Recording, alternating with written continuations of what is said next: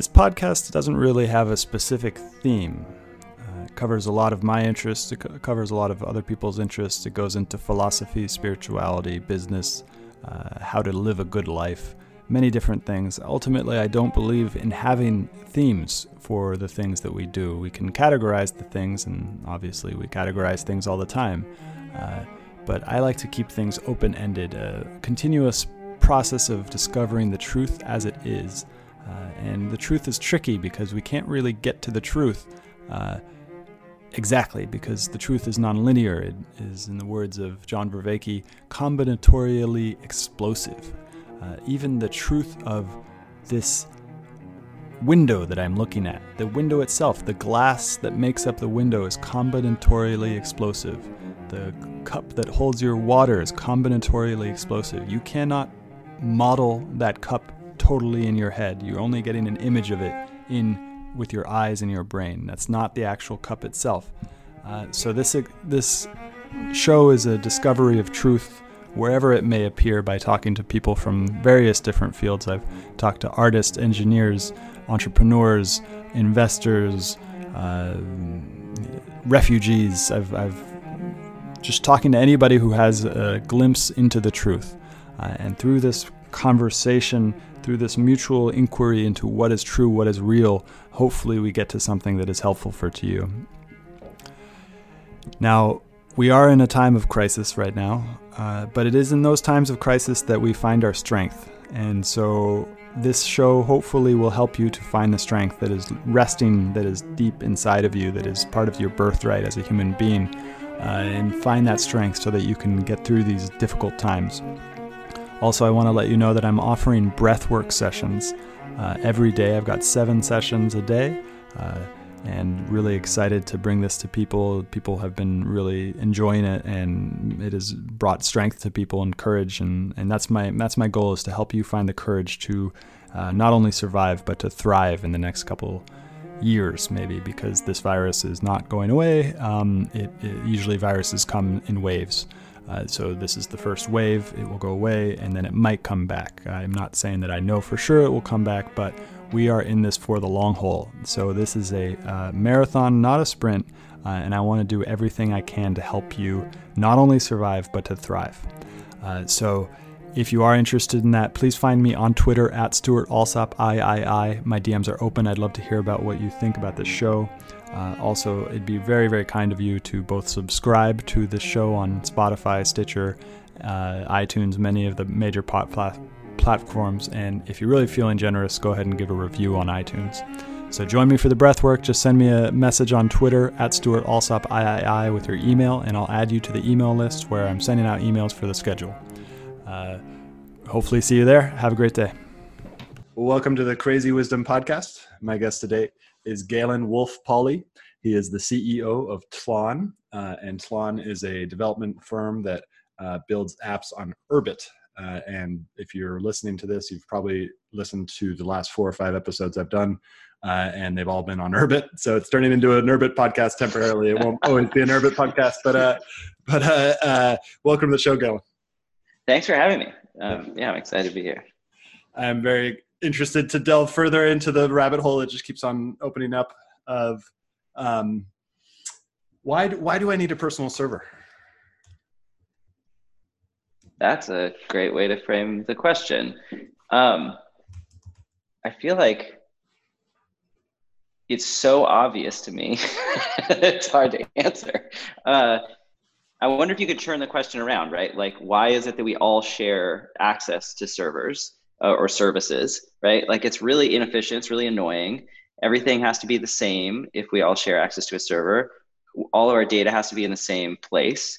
Um, that exposes us to all kinds of problems with relation, like related to privacy and just like large scale data mining. And then the, the downstream effects of that being the way that we see and consume information being like intensely normalized across many different communities. Um, so our ability to, you know, uh, actually like the effects of controlling your software in the case that you do run a personal server, I think are very significant because you actually have the experience of, you know, using a computer as a vehicle for everyday creativity, to form your own communities, to get things done the way that you want to get things done. That's what a computer is for. Mm. When we use computers in this very centralized way, we're using them in a kind of like, you know, it's like eating processed food or living in a hotel or, you know, it's like the same. Uh, uh, I think it has the same, and it has the same effects on your like almost like, you know, individual health and well being, maybe. Interesting. So, and you've read the document I sent, and I've done this show for three or four years now on the relationship between stress and creativity. So, what role stress plays in the creative process, and yeah. the creative. Well, so let's bring computers into that. How do c- computers solve your stress levels, or create new ones? well, when you put that question to me, it's funny. Like I think of in order to like generate new ideas or to to solve problems, you have to really like experience the stress of of whatever that conflict is. You you have to like go sort of headlong into it. Um, see if we can think of like an example. I'm trying to think of like I mean a lot like some of the simpler examples would even just be like, you know, well, I was going to say that like you know you, you have a technical problem that you want to solve. Mm. Like I guess I just like the broad observation would just be like if you if you have something very simple and straightforward that you're trying to figure out. Uh, let's let's say like woodworking. So I do some woodworking for fun. I went to architecture school, right? I have a background like making stuff, and like I always think of I had this I had to talk to this class of students. They were so young. It was so fun. They were like I think they were like fifth graders or something, but they were no maybe like seventh graders, and they were all interested in technology and building stuff. And they were like, on the spot. We're like you know what's your what's your advice for me? Uh, and, and, it sounds like this I, podcast baby. Yeah, yeah uh, and i i really had thought about it and i was like you know i think the best thing you can do is just go and build something out of wood right? Because mm-hmm. you're like oh i want this thing to stand up and then you just try and you take some take a piece of wood and try and make them stand and they're usually going to fall over and you know you try and actually get them to overlap with one another and they don't naturally overlap. You know you have to like make decisions about how that's going to work. And if you don't push yourself to you know experiment to make mistakes to try things and then break them like and you have to like gen it's totally contrived. You don't usually have to do that but you have to put yourself into this position of like somehow this must work and you have to you know want to go through the pain of, of that kind of continuous experimentation to get somewhere. Um, computers should be like vehicles for to, uh, us to like go through that rapid experimentation process. So actually like computers for example as like writing tools. So writing is a super important tool for me to like think through something. Most of my job is thinking through mm. how we're going to do how we're going to approach a problem how we're going to build something and a lot of that for me is about writing. Actually, the immediacy of writing on a computer, even just with, yeah, with Google Docs as you're doing, right? It's mm really great. And it helps you hone in on like where that conflict is. Um, I'd say the stresses that are created by computer, I, I like task management on a computer. I still find it like collaborative task management, mm still like an uns, like hilariously unsolved problem. Mm-hmm. And so that's like a source of stress that always bothers me. Like if I want to just simply write something down that I'm going to share with other people, every solution I've ever used is so slow that it's too it's annoying to have to actually open the, like find the thing, open it, get it going. Whereas like writing, people have figured out how to get it like low enough latency that it's like immediate works. Um, does that make sense? Like I think of them, they're like two. There's like productive stress, and then there's like just annoying you know, like uh, you're blocked by something stress. And I'm looking for like productive stress as much as possible. it's, it's, it's real. The real question is how do I deal with the unproductive stress, which I find myself doing with. Yeah. And just, you gotta just let it go and then, and, and figure out discipline and stuff or, or like ways of working yeah. that get you around it as much as possible, I think. Yeah. Um, so when will when will Tlon or any other company build a new Google suite built on Urbit? I mean, that's kind of what we're trying to do. Um, we haven't. So it's funny. I've been one of the things I've been working on recently. So oh, into the end of last year and the beginning of this year, we really like reset our own like product roadmap mm. around trying to take landscape landscape as it exists today. So you know you can boot an Urbit node today well, you know, relatively painlessly, Hmm. certainly uh, relative to a few years ago. Yeah. Um, and you can boot into this little interface for building groups and chatting and sharing notes and, and links and stuff like that. That was totally an experimental project. That was like really built out of this maybe intuition that, you know, the power of, to your original question, like, why is a personal server useful? Well, it can do a lot of stuff in one place. So it's like, okay, well, how can we like materialize that? How can we make that like make something that that's that actually does do a bunch of things in one place that we want to use. And so we built Landscape just as like our team communication tool. And so the first year of that was like just first year was just do that, right? Like get to the point where we use this every day. That was I guess 20 what years that was 2020 and then 2021 was basically then jet work on the infrastructure for making it possible for people to actually ship other applications um, within this very coarse platform. So now you can ship kind of like a single monolithic Urbit app. And the next step is for us to make take landscape as it exists today, well, mostly like groups, right, and split that apart um, into individual applications that could be used together and get them to the point of feeling like a very this like uh, internally we call it sort of like digital basics OS. Um, so very simple suite of tools that you can use with either alone, you know, solo for your own note taking and kind of like collecting references and so on, or with a team um, in collaborative ways that make sense for, I think, people who care about ownership mm-hmm. and care about flexibility, but also I think we like solve some problems for kind of like crypto adjacent communities, DAOs. Mm-hmm. There's like emerging world of people who I think are in a way they're looking for a new social network. But it's funny that you put. But I think also, yeah, people using the the Google Suite is like so bloated. You know, you just don't need yes. all this stuff. Yes. Um, and I would happily take a simpler option, which is what we're trying to build, of course. That is just that is mine, and that I feel like can last forever. So that's what we're working on. And we'll talk more about this. So as so, I've been working on. We'll we worked on a lot of kind of like setting this up internally, getting this going as a you know as like a project for us to actually dig into as a team, and that's going really well so far and now we'll actually start to talk more about like where we're going and, and how it'll roll out.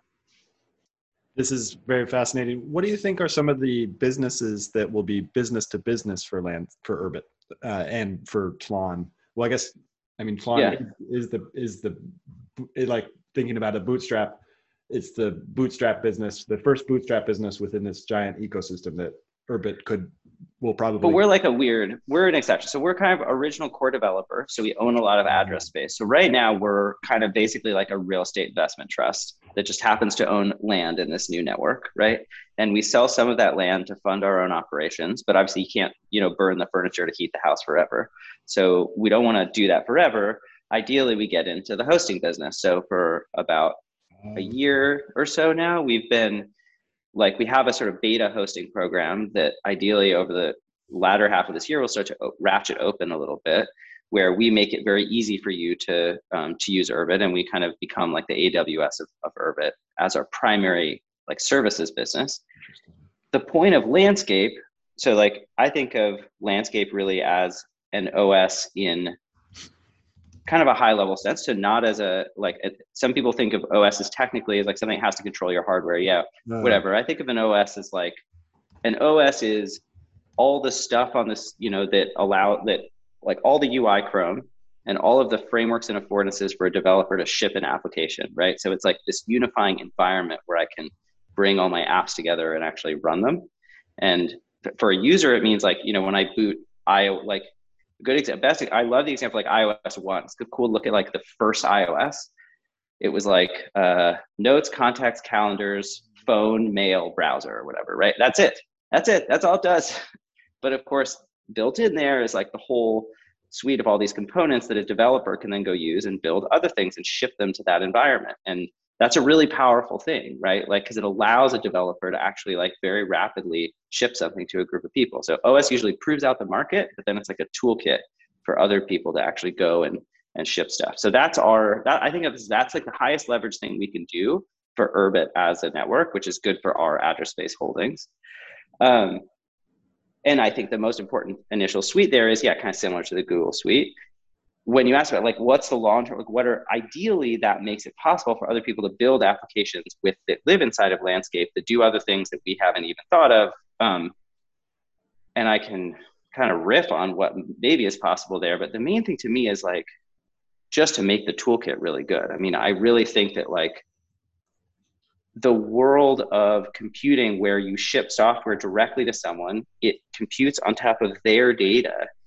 That's just such a different model for computing that's so rich and there's so much like that's possible there that to explore that uh, the main thing for me is to like get that to to you know get that flywheel like get that to happen like build a community around that make the toolkit easier for people to use and like get people to sort of rapidly experiment there. I can give you some examples of what i mean if that doesn't make sense but yeah well so like google docs okay the problem with google docs all my data is in google so i can mm-hmm. download this useless zip file that they'll give me back my data and that's great but like i can't do anything with it so in urbit world if i'm using the equivalent you know google docs for urbit of course, all my data lives on my Urbit. So if someone comes up with a better, mm-hmm. you know, writing app, I can just install it and it can basically start, I can start editing and writing into that same data set.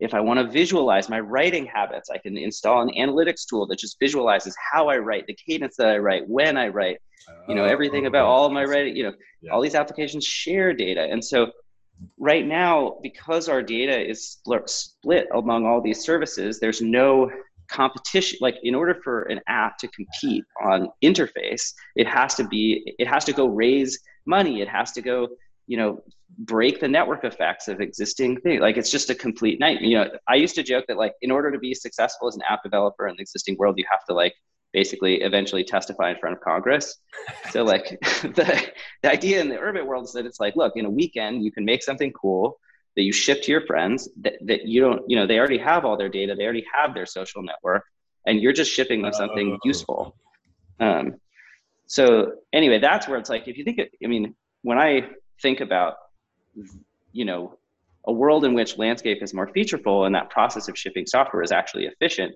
the world of possibilities of what you can do there is really big. And so it's sort of like, I'm like, look, we don't have to invent the VisiCalc of Urbit. We just have to like prove out the initial market and like make that toolkit really good. Oh, interesting. And so the, the Google Doc kind of thing, no, I don't want to go there. Um,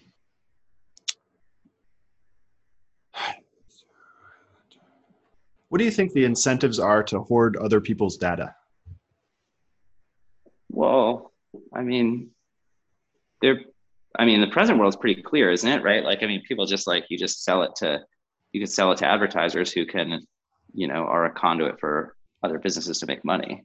Um, uh, I but what a, think. What, why would the why would so we've got this landscape we've got a current landscape where where the big centralized databases that have weird, strange incentives as to regards to the profit motive and stuff like that. And they're just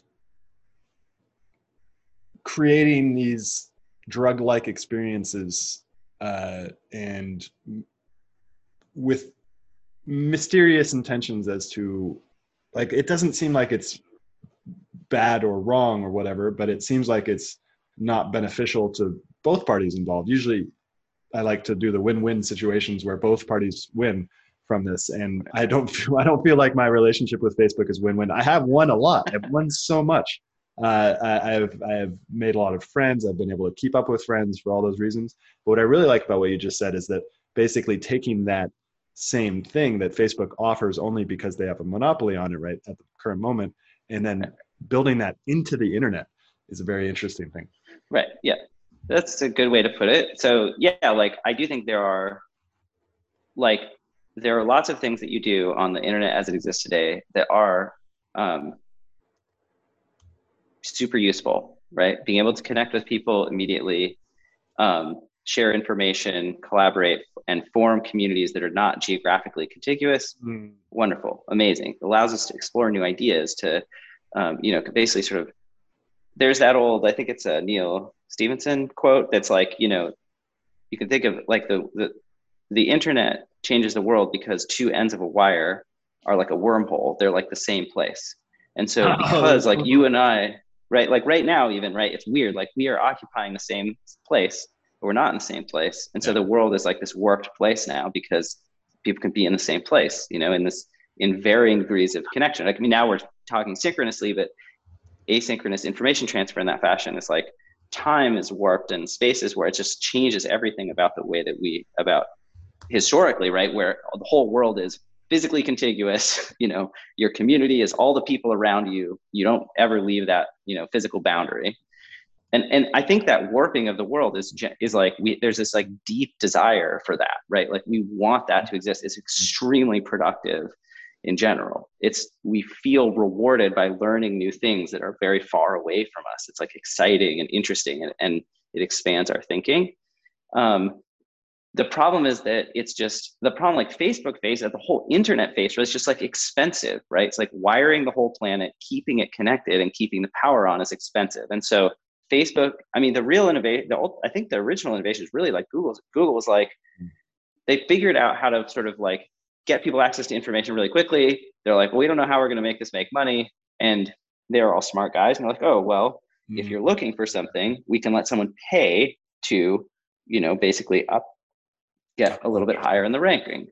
And that's just the best thing they could come up with. I mean, looking at solving the technical challenge that like Urbit solves is terrifying. If you're like a startup and you're like, oh shit, my business model is like, I'm gonna have to develop some kind of mildly creepy business model that's not totally aligned with my users, or I can tackle like, you know, probably one of the like, you know, a platform tier like technical problem. Like you're just not gonna do that. It's too risky. Um, and so that model of saying, well, we can provide a service to these people, and in exchange for that service, we get to mine their data and, and help sell them things.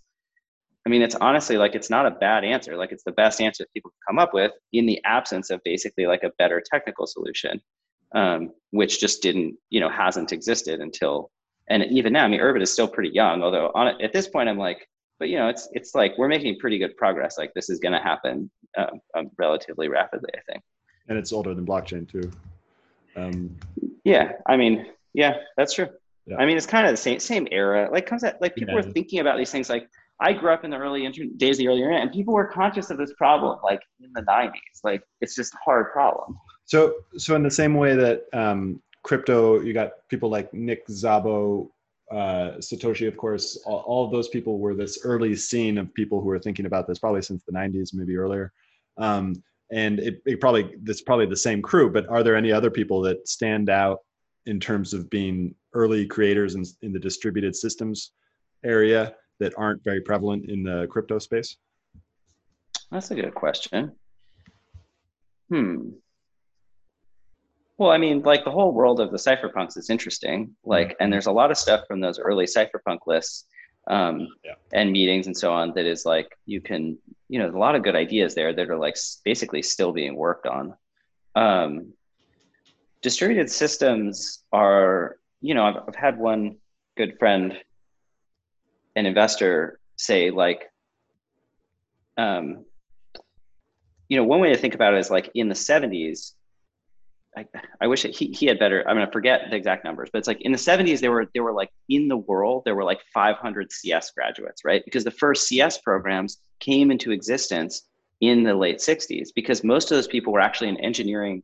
They were like in uh, electrical engineering programs because computers were like these big engineered things. So you just didn't have that much throughput. Like computer science was basically like an emerging field at the time that the PC was being built.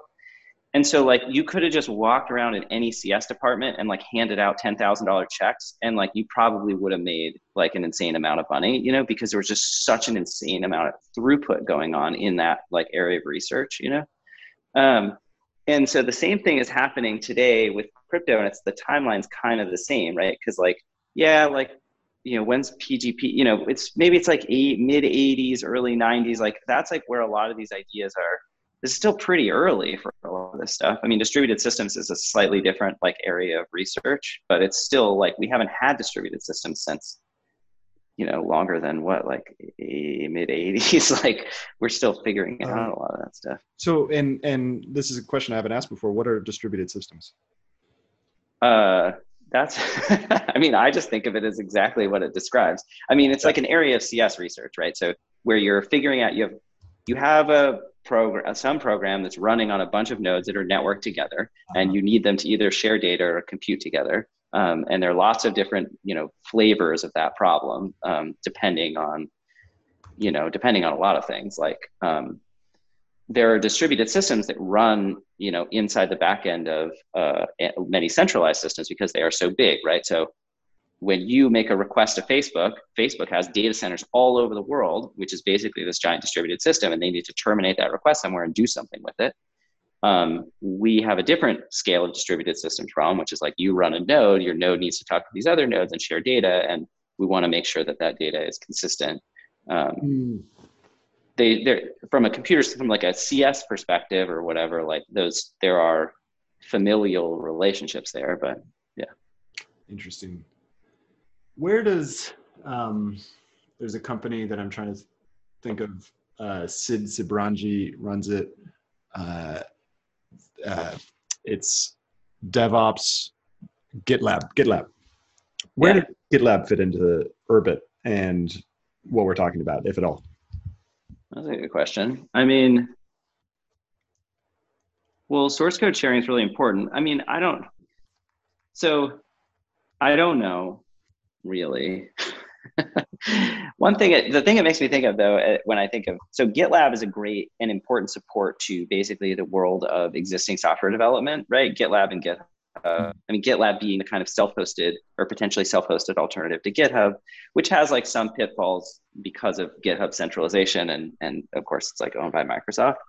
Um, my feeling in general is that basically like all software is industrialized software like yeah. literally all software from python to kubernetes is like all about running a single system that fields a lot of requests and so this whole oh. world of software is all about building tools that are centralized and urbit is kind of like breaks off of that path you know you know a long time ago i mean in a way, like Urbit tries to pick up this tradition that was kind of stopped in even like the late 80s of like just build software for individuals. Like Urbit is a tool for one person.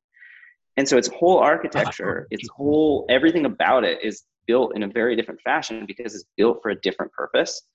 So like GitLab, GitHub, NPM, you know, uh, what's the Python package manager, pip, that whole world of stuff is like built around this whole like sort of industrialized software um, complex. And that's fine. There are a lot of uses like that's not going away even in a world where urbit is wildly successful. There are some things that are very well served by industrialized software mm-hmm. um, but we're just like a totally different thing. So for example like when you so like to give an example actually in concretely related to this right? So gitlab or github are these kind of like you know permanent sources of where I might get some library that I'm using for something I'm working on as a software developer.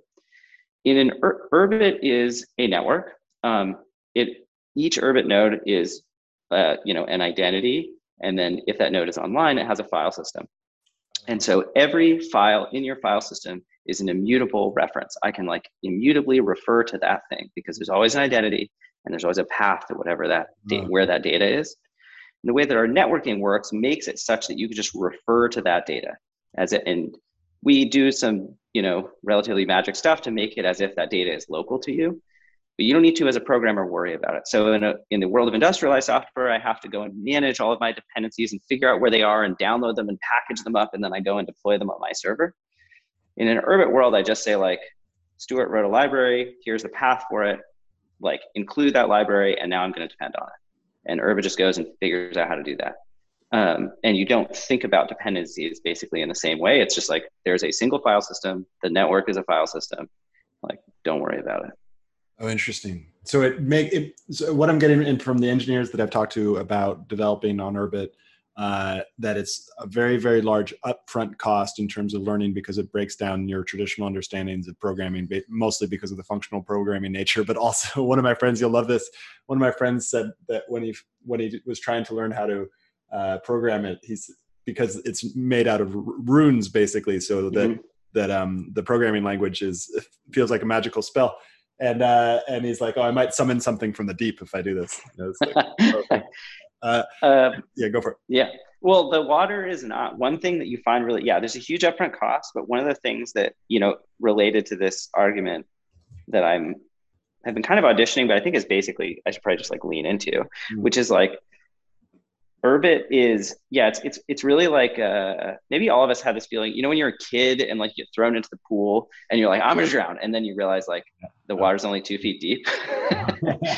like Urbit is yeah. super simple. It's crazy simple, and so at first it's just like, what the fuck is this? Like, this is it doesn't. Uh, yeah, it's very unusual. It's very specific. Or it, at first it's unusual, disconcerting, disorienting and then all of a sudden you realize like oh if i need to know anything like the you know the distance to the bottom like my ability to just walk back down the stack and like look at everything involved in compiling what i'm making it's just like it's so small it's tiny.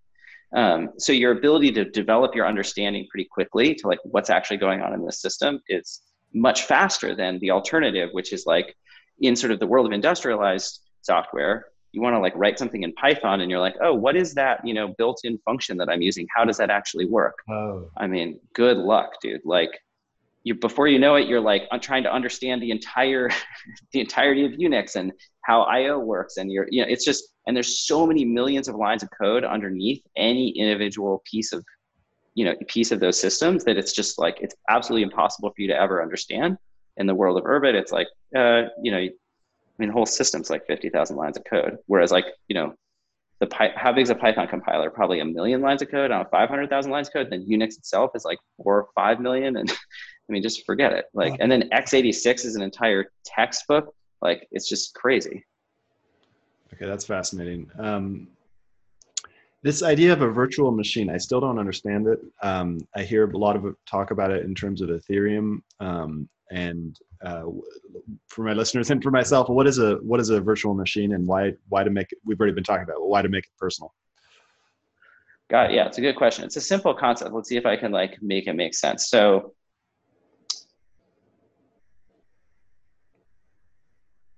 I wonder if this it might actually be the lineage of this of the of the term. So, in uh, you know, in the early PCs, um, the chipset matters a lot, right? So chips only understand machine code, right? Because they're going to actually run this through a bunch of circuits. Mm-hmm.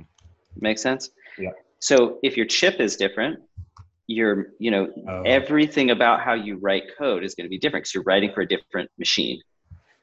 And so this is a huge prop, right? This is like one of the big reasons. For example, like you had, you know, you probably remember your Zoomer listeners may not remember whatever. Like you can't run this on a PC, right?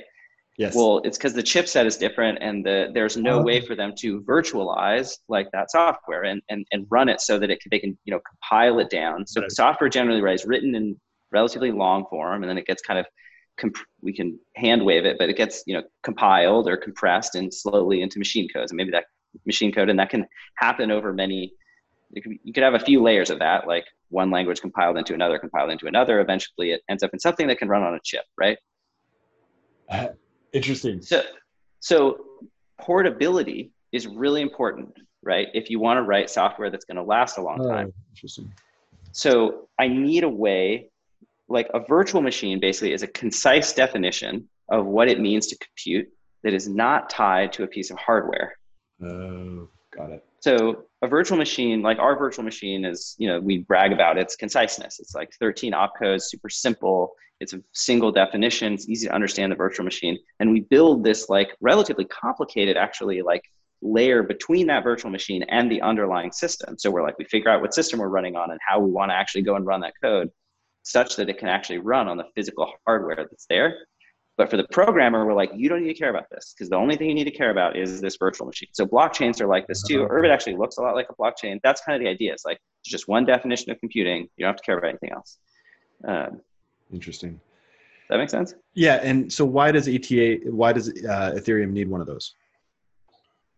Well, in order for you to do consensus computing, so in order for a, a, system of a bunch of nodes to be able to move data around and know that that other node is actually computing in the same fashion. This is really important for a blockchain. I need to know that it's running the same virtual machine that I'm running, right? And so like when you talk like the EVM is just like this one definition of hey, there's only these many types of computation that we can handle. Um, and so when you write Solidity or whatever, you write a contract, it's going to compile to that machine code so that all those nodes that actually run the blockchain all compute the same way.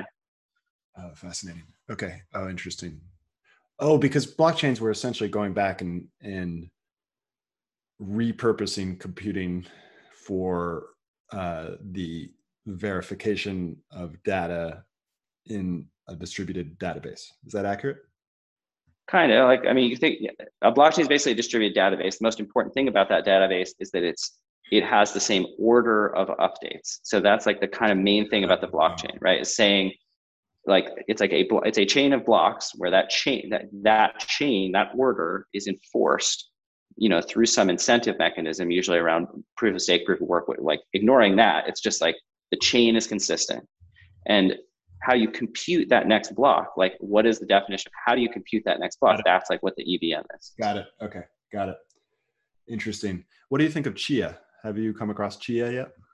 Um, i've i know the chia founder in passing uh, and he's a smart guy. Yeah. That's my entire yeah. review of Chia. I did an, I did an interview with him uh, three years ago, and oh, nice. Uh, and it was challenging because he was trying to explain proof of time and proof of space. Um, mm.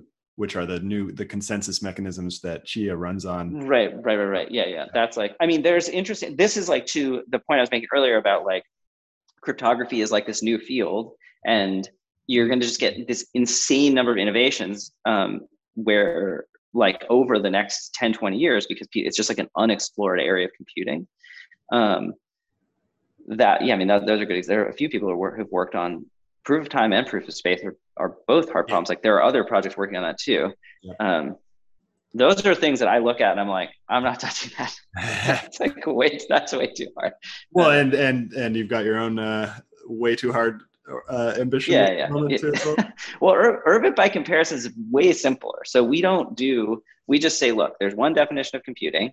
Everyone computes by that definition of computing, which means that we can upgrade everything on top. So Urbit has a VM, super concise, never changes. Nothing. We cannot change it. It's not possible to change it.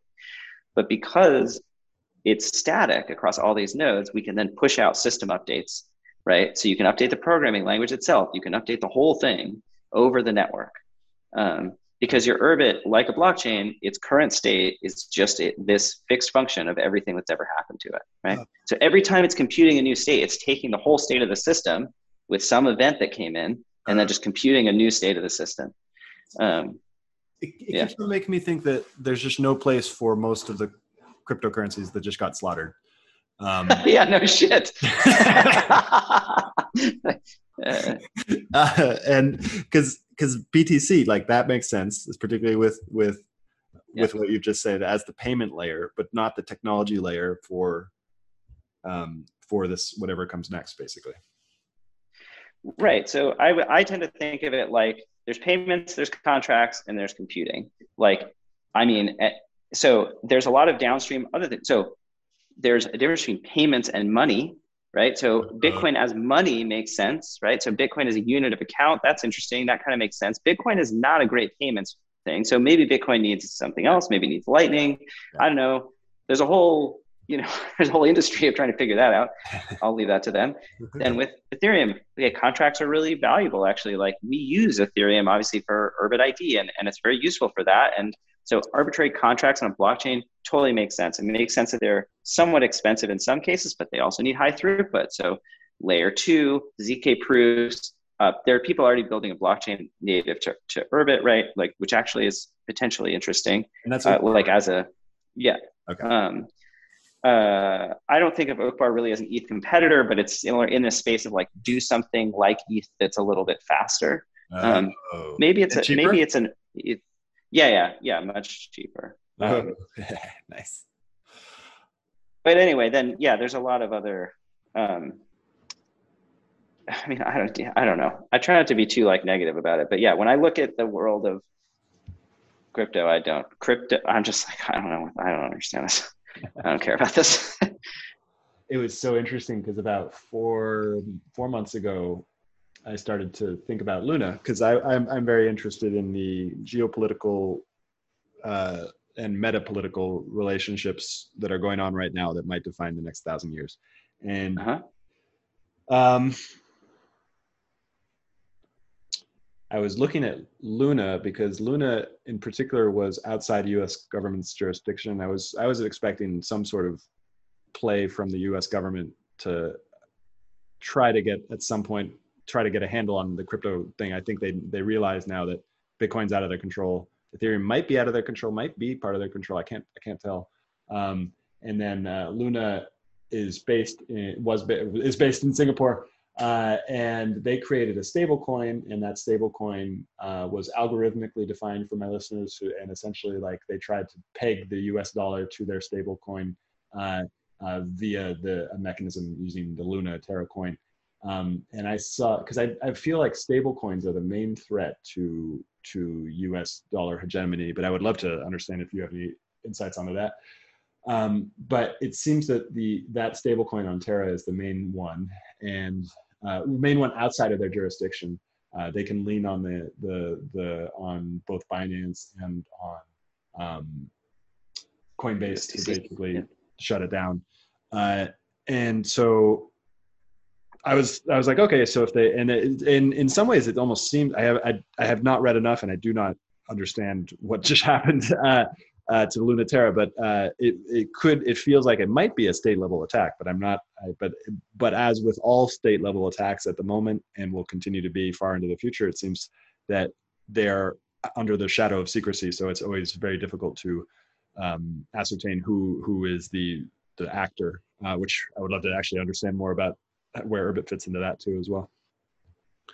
Um, it's funny. I was last week looking at Luna and just thinking like what the fuck is this? Like, um, so I understand, uh, but but mostly from an aesthetic standpoint. So there's something to me about um, crypto projects that have a habit of basically uh, representing their ability to go to market and um, you know reach a level of maturity and usability uh, in ways that just don't make any sense, basically. Um, and uh, that seems so transparently obvious to me when you you can tell when something is basically trying to sort of hype itself into existence but that's just like not really a thing right it's like i'm like oh you're going to be like the you're like the WeWork of of crypto basically. You know what i mean? Like over and over again. It seems so obvious.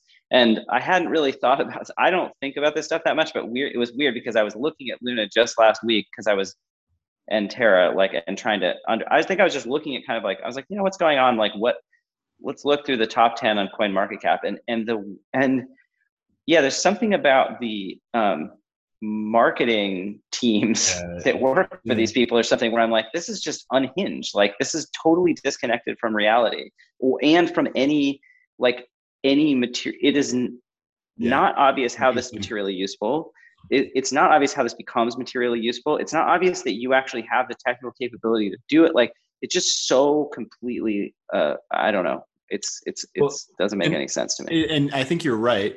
Uh, and I think I, uh, I sometimes it's the, the, the mind, the mind games with the investing is such an interesting thing, particularly with a volatile asset like Bitcoin um, and other other things.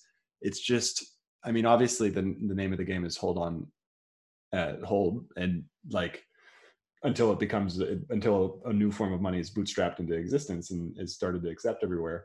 Um, but then at the same time, I've got to live my life, and there's various other other activities that that I need to be doing, and so um, it's the the investing mindset is so crazy, and I got stuck in some FUD, uh, fear, uncertainty, and despair uh, last night when I saw Luna depegging. I didn't have much Luna, but then I started seeing reports of Tether, um, uh, Tether mm-hmm. depegging as well, um, and it did depeg only, but only on external. They they they had always they always kept the ability to exchange Tether on their website. So uh, the the they it seems that they had enough funds to withstand um, the marginalized funds to withstand whatever happened to keep yep. their stablecoin alive. alive.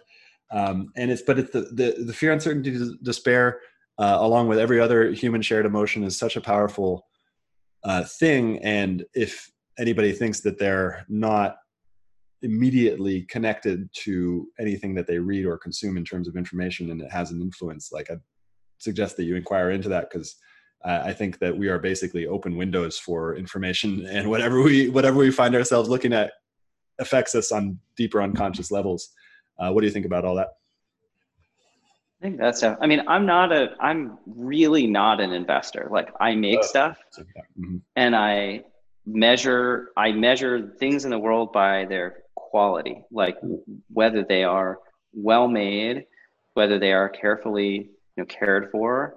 And um, I am not interested in getting rich by speculation. I'm interested in building things that are that can that can last. Like, and that's kind of all I care about. So I actually like I don't even know how to I don't under it's I'm not saying it's bad really like I'm just saying I don't get it and uh, I don't know anything about it. I think that like um, the so yeah, from through that through my lens, like when I look at these things from the standpoint of like, yeah, like what is materially useful here? Like how can this like achieve a very large scale? And I think I'm generally yeah, like I'm looking for like categorical, you know, kind of like defining wins. Um, that's kind of all I, that matters to me. And there's some of those that may exist that I'm not going to build, of course, but that's like what I'm what I get can get excited about is like when something seems like, oh, this is this is, you know, uh, this is defining of of a yeah, a particular it's like something genuinely new that that is that is like very well made. That's exciting. Can you make a lot of money speculating on things that are in the margins? I mean, yeah, definitely. I don't know about anything about that. um, so, uh, do you have a hard hard stop at 4 p.m.? No, no. I can go a little. I can go probably 15 minutes over. Cool. Um, so I want to change gears drastically here, and uh, I yeah. just came up with an idea uh, about an hour and a half ago. Uh, I'm a body worker, so I do body work uh, on people, not mechanical body work, but bodies on physical bodies. Uh, yeah. And uh, and so um, uh I was on somebody's table, somebody's massage table, and the massage tables are interesting in general because everyone has to have one. All the massage people have to have a massage table. Um, and then recently, I, I, worked with somebody who had a uh, hydraulic massage table, and so I'm thinking about a so the one that moves up and down, which allows the the person giving the massage to basically use different points of leverage and physics and stuff like that, and create more force. Um, and uh, so there's this horizontal up and down. Um, oh, I'm sorry, vertical, vertical up and down. Um, and then um, there are all these tools that massage therapists use. So I'm thinking about a new massage table that has like basically it's like a it's like a warthog warthog um, a10 uh, it's just like an all around like has the craziest things that you can use to massage people and stuff like that uh, but the first version will be pretty simple but it's hardware and uh, that scares the shit out of me and maybe i'm like maybe i should just not do this for a couple of years um, but have you ever bought, built anything? Well, you've you've woodworked before. How should I scope the project? that's a good question. Yeah, I don't know that much about that's a can be pretty complicated hardware. So I'm not sure if you're just talking about the table or something that actually or like a massage device. Either well, one's gonna be really complicated. Well, both. Okay. Because but there are already a bunch of massage devices, uh, and I yeah. want to just include those into the massage table somehow. Um, so the and, and I should I should I should I'll give more of what it is, what it happens when we do body work. Um, uh, there are a bunch of receptors on our touch, uh, on our skin. Uh, like if you think about the senses, the the five major senses, it's really interesting to consider the the touch because touch isn't one sense; it's a whole lot of different senses that are all tied together into the central nervous system. All the other senses are also like that, but touch is the most range. Um, and so there's all these things that you can do to have an effect on someone else's body. Uh, vibration is a really interesting one because vibration, uh, particularly on your feet, most people don't get enough vibration on their feet um, because our feet were meant to be barefoot, walking on different surfaces, and so you have a different a diet of various different things and and vibration is the one thing that shoes basically cut off. Uh, this, this is not this statement has not been evaluated by FDA, so uh, buyer beware. but uh, uh, uh, and uh, so um, you know there's all these different receptors and you can there's all the and it's like in every tradition in every in every culture there's there there have been people who have found these things that they can use to basically um, do it and so i'm trying to think of an all-in-one package basically for like i don't know $10000 or something and then and then uh, although that would be far outside the most body works workers uh, budget. Although although something interesting is that body workers construction the type of work that you do as a ho- hobby um, usually can only make 35 to 40 dollars an hour where i am. Um, if they're non-union if they're union then it's like uh, 80 to 120 or something. But a body worker without union can make 150 dollars um, and it's really fascinating to consider and I'm like yeah it's, it's a whole nother train of thought but um, w- what should i think about in terms of scoping out this giant project that probably won't happen for a while? Okay, so I mean, the most important thing when you're building anything, and it doesn't matter what it is, is to really deeply understand the like material that you're using to build it, and to Uh, understand your available material constraints, because your material constraints are going to determine they, they you have to be able to think in the material. Mm, like the way that you think has to be you have to have so much experience with that material that when you come up when you are generating ideas they're ideas that are like yeah got it. you know accomplishable right? And so the next thing to remember is basically like it's hard and time consuming to make anything. And so the simpler that you can make something like just the more likely you are to succeed at making it. And making things that are simple is difficult because you it requires you to develop this incredible sensitivity and familiarity with the actual material in front of you right? So these two things are connected. The more that you work with metal the more, more that you work with yeah Mm, sure building mechanical devices whatever the more that you know all those available parts and then you know what you can take away and then what's going to work well like what's going to last for a long time another way to think about building complicated things is also just to think about working with people. And people in a way are you know you, so so it's like if it's if you think that you have some key insight into some you know if you're like this is a great product uh, there are lots of people out there who know a lot about building things you know and, and you can just you know you can go and work with them and and understand how they think about making things and understand you know you know and kind of vet their ideas. But usually you can only do that if you have some familiarity with what they're actually going to do right? Like it's sort of like the you know the architect is the master builder not like you don't just no architect ever like didn't never pounded a nail and then and then like started building buildings or whatever um, so you know just make some stuff in your garage or whatever i guess and I got the garage up here too. and It's really funny because it's my house is turning into an incubator. Um, and uh, we got a garage. It's fir- it's first going to be in uh, uh, Airbnb just to start getting customer development uh, type of the find it, and then eventually it'll go to a retreat center. And so I'm going to build out a retreat center for about 30 to 40 people to come for like a week and do intensive um, body work, uh, personal development, and um, goat therapies. Uh, and uh, yes the goats the goats are part oh, the goats are definitely a part of it. Uh, unfortunately, it was really sad. I lost I lost one two days ago. So that- it's been Oh, it's been so insane here because I grew up, you know, in California, uh, in the Bay Area, and uh, lived in suburbs or cities my entire life until about four or five years ago when I started to get deeper into meditation, and then I started to go to um, uh, more rural areas, which thankfully prepared me for the pandemic and uh, and now where I'm currently at. And um, the last November, somebody gave me goats for free, uh, and I wasn't expecting it, and and I thought they were just going to be here for like one night or two nights, and then they ended up being here for a lot longer, uh, and I was keeping them outside, and um, uh, and it was our first rainstorm of the season. It was November, big rainstorm, and uh, yeah, you might remember it, and uh, and my goats were right outside my head. They were sleeping out there at night. There's a fence, but I wasn't really thinking about it. And then all of a sudden, I hear this cr- scrackle, cr- crack like thing, and I thought it was the goats playing around. Woke me up, and I like get up and like all groggily look out, and there is a mountain lion looking at me directly. whoa. Yeah with with with one of my goats hanging out of its jaws. Um and i was just like wait a minute where am i? I'm in the middle of the forest. I have no idea what i'm doing here. Like that thing just just like scared the shit out of me. Well uh and then and then i and then i started to take them inside during the during the winter and and uh and then and, I, and then but then I kept on hearing stories about daytime mountain lion attacks. Okay, I'm, okay, I'm gonna get a dog. I'm gonna get a dog yeah. to protect the, the goats. And so three days ago, somebody gifted me this uh, wolf dog, a quarter wolf, and like a half shepherding dog. Um, and then two days after I got it, I'm like, oh yeah, I, got, I did the thing. I got it all figured out.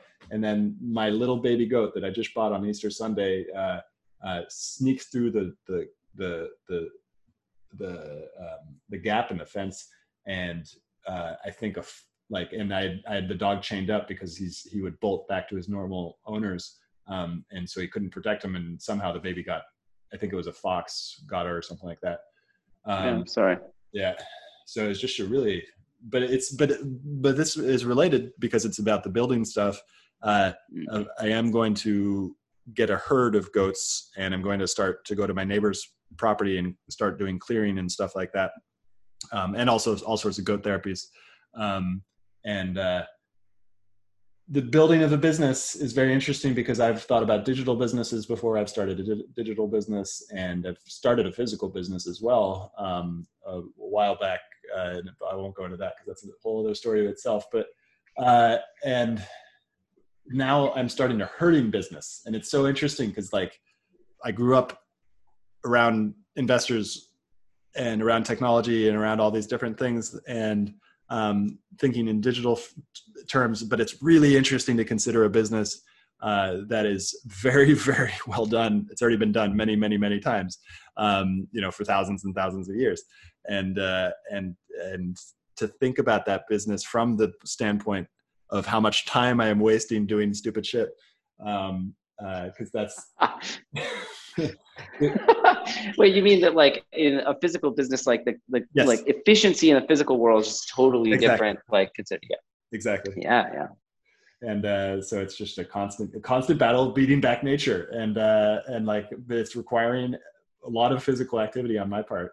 Uh, and now I've realized that I have to start hiring other people. I, it was really funny because I was hiring body workers to help me fix the fact that uh, I had to do a lot of physical labor, and now I'm going to hire people to do the physical labor because um, I found out that body workers are way more expensive than the than the people doing the physical labor. So, yeah, that makes sense.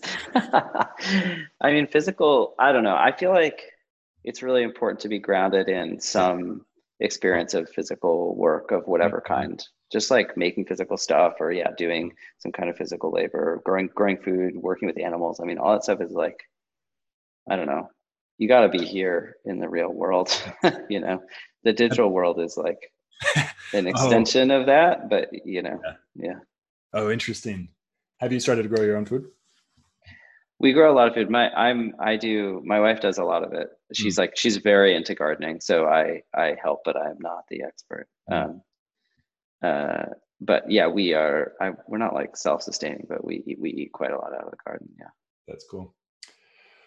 Okay, last five minutes or so. Um, let me take a look through these questions, see if there's any good questions to ask.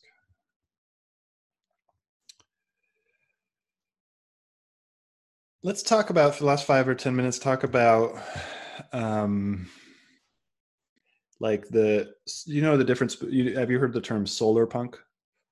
Yeah. Yeah. So, how does Urbit create a solar punk, not necessarily a cyberpunk future? Hmm, that's a good question. Well, I always thought of the like sort of cyberpunk future as, you know, described in Gibson, Stephenson, whatever, like kind of like hmm. um, all that stuff, like fiction from the early 90s or whatever as being super dystopian. And and if you look at the interviews of these people, like they talk about that. They're like, this was the bad outcome. Like we didn't want this to happen. We just thought this was if you have this continued acceleration of these things, this is where you would end up. So I thought it was funny, especially when that game came out. It was just this like extreme fetishization of this. It's kind of like um, you know, uh, if you if you're you know riding your bike next to a ledge and you just look over the ledge for too mm. long, you mm. eventually just ride right off the ledge. like yeah. I'm just like, I don't know. I think I don't know why people are so obsessed with this world of like, you know, everything is um, super Zaibatsu dominated, is like only these few giant companies run everything and we all kind of I don't know. It just I'm like, well, yeah, you're kind of making that. Maybe you're manifesting that. Um, Calm down. Uh, stop that. Stop that. yeah, yeah. But just, I mean, I don't know. Maybe people don't have anything else to look forward to. So I'm not like into, or I don't, maybe not know enough about this world of, or like the sort of solar punk scene, only peripherally familiar with it. But, you know, sometimes I say that like Urbit is built for a future where computers are like more integrated into our lives, but we notice them less. Mm. And Beautiful. that's like very much something that I hope will become true because I think, yeah, I think computers are powerful. Um, even in your, you know, how do you understand, even here, like, how do we understand what's going on in the garden? How do we understand like what the weather is like? How do we understand what's going on in, like with nature in general, right? Like the world could be co- is already, you know, covered in this network of sensors, but they're not legible. Like, how do we actually like how do those things actually connect in a way uh, that doesn't require them to go through some mediating, um, you know, like body of whatever kind. I mean, some of them are open, some of them are not, but it could be much more, both like much more, much bigger. Like it could be a lot more of them. This very generalized sense, whether they're you know measuring rainfall or sunlight or whatever it is, um, or but it could be you know more practical of like you know how how do I in where the place that I live like why can't I easily visualize like the traffic on the streets um, you know the amount of people moving around the amount of trash being created. I don't know like we just like don't really understand our environment and computers can generally be a very cheap way for us to do that that other people can um, you know that, that, many different people may be able to like pull data out of and do things with. Um, so you can think of examples of that in your immediate environment. You can think of examples of that in your city and and and, and for the whole world whatever. Um, the other part of this is just like computers are super monolithic. Like I sit here in front of this thing. I mean, I've I actually try it very much. I like switching. So I'm like, I have a desktop. I have, I have like laptops from years and years, just like scattered around, and I prefer to kind of just like move and and use different. And I think that's actually very oh, natural. Oh, interesting. And so I'd like to live in a world where you have like single purpose, lots of you have a bunch of different e-ink devices, you know, some for reading, some for reading, like one for reading books, one for reading papers, one for you know i don't know just uh, scrolling through the status of all the sensors in your garden whatever you know? And so computers become just like more diffuse um, because i mean an Urbit future is one where it's basically very very cheap to connect something to something else right? So connecting pieces of hardware that are all running their own nodes yeah that's like what the system is made to do.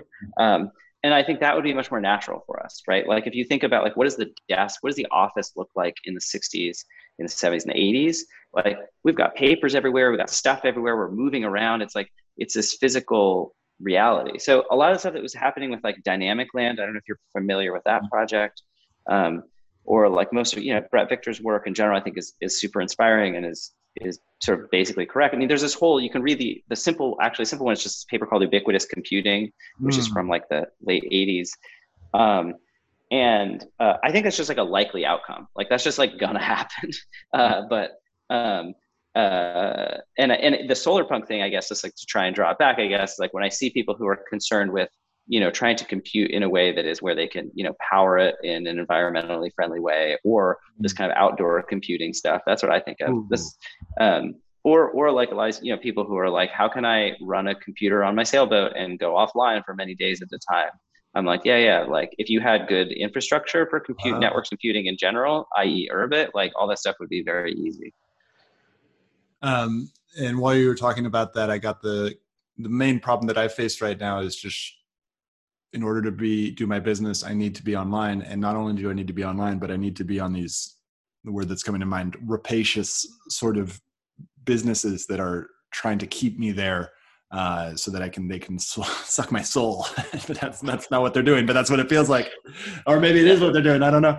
And uh, and um, and so like it just it feels like I'm in a the psychologists have a great way to put it a codependent relationship all the time, and that's me. You know, it's mostly me. It's not. yeah, yeah it's not it's just uh and so yeah it's very exciting to have this other opportunity of, of just like the past four years ago. It was really interesting because i've always been very pro technology and then i read a book by this russian guy who i can never remember his name now who started to talk about everything that's happened since then.